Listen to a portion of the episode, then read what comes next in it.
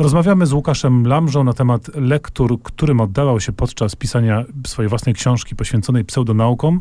Mówiliśmy o tej imponującej y, pozycji dotyczącej Arki Noego i sztandarowym dziele pseudonaukowym, ale rozumiem, że czasem potrzeba jakiejś odtrutki, prawda? Trzeba jakby poczytać czegoś naukowego. Czy ma pan taką swoją ukochaną, ulubioną pozycję, która pozwala powrócić panu do y, racjonalizmu, do świata naukowego? Mm, nie, nie, nie mam takiej jednej książki. Dla mnie tego typu pozycją całą w sobie jest po prostu literatura naukowa jako taka, składająca się głównie z artykułów naukowych, czyli jednostek no, kilkustronicowych najczęściej, y, które ja, ja czytam. Czytałem je pisząc tę książkę, dlatego że pewne fakty trzeba po prostu posprawdzać, ale też czytam na co dzień. Ja bym tak oszacował, że gdzieś 90% mojej diety literackiej jest w postaci gatunku literackiego, który nazywa się artykuł naukowy, recenzowana publikacja naukowa.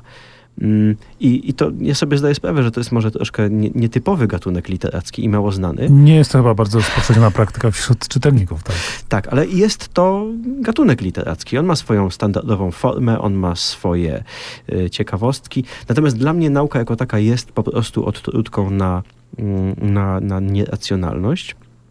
I staram się zachęcać wszystkich, aby wchodzili w ten świat, bo to jest jednak coś troszeczkę innego niż literatura popularno-naukowa. I mm, mam taki programik na YouTubie, on się nazywa Czytamy Naturę i tytuł jest nawiązaniem do Czytamy Nature, chodzi o czasopismo Nature.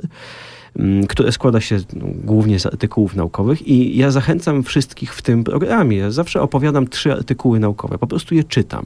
To jest taki przegląd prasy mm, i zachęcam wszystkich, y, teraz zachęcam i zachęcam do, do, do zapoznania się z tym, dlatego że nie ma lepszej odtrutki niż zejście do źródła wiedzy, a tym źródłem wiedzy są po prostu artykuły naukowe. One, one mają swoje śmiesznostki, one mają swoich y, jakichś, mistrzów y, prozy, czasami bywają pisane z humorem, wręcz czasami mają zabawne ilustracje, ale ogólnie rzecz biorąc, to wszystko jest jedna wielka piguła racjonalizmu i, i to mnie uspokaja. Hmm, czyli jednym słowem sięgajmy do źródeł, żeby sobie zaszczepić racjonalizm, ale rozumiem, że czasami od, także i od nauki pan odpoczywa i sięga jednak po literaturę piękną jako taką. Ma pan coś takiego, co pana ostatnio szczególnie zafrasowało, zafascynowało?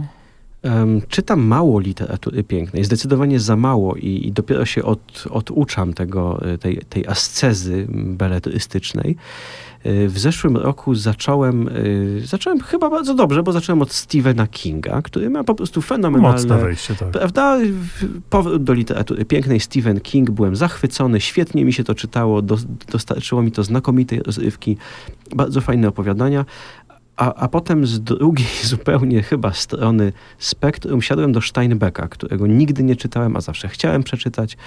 Na wakacje wziąłem mm, Grona Gniewu, potem na wschód od Edenu. Niedawno skończyłem czytać i jestem, no jestem powalony na kolana, jak piękna może być literatura piękna. I, i chyba częściej będę y, uciekał od tej mojej literatury naukowej, bo, bo jednak je, no jest coś w literaturze w tym właśnie sensie, w beletrystyce, czego nic innego nam nie może dać.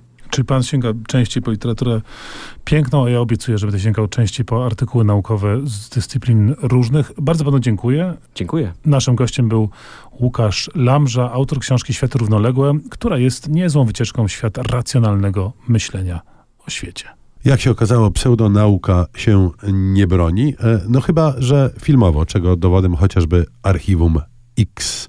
Muzykę do tego serialu skomponował Mark Snow.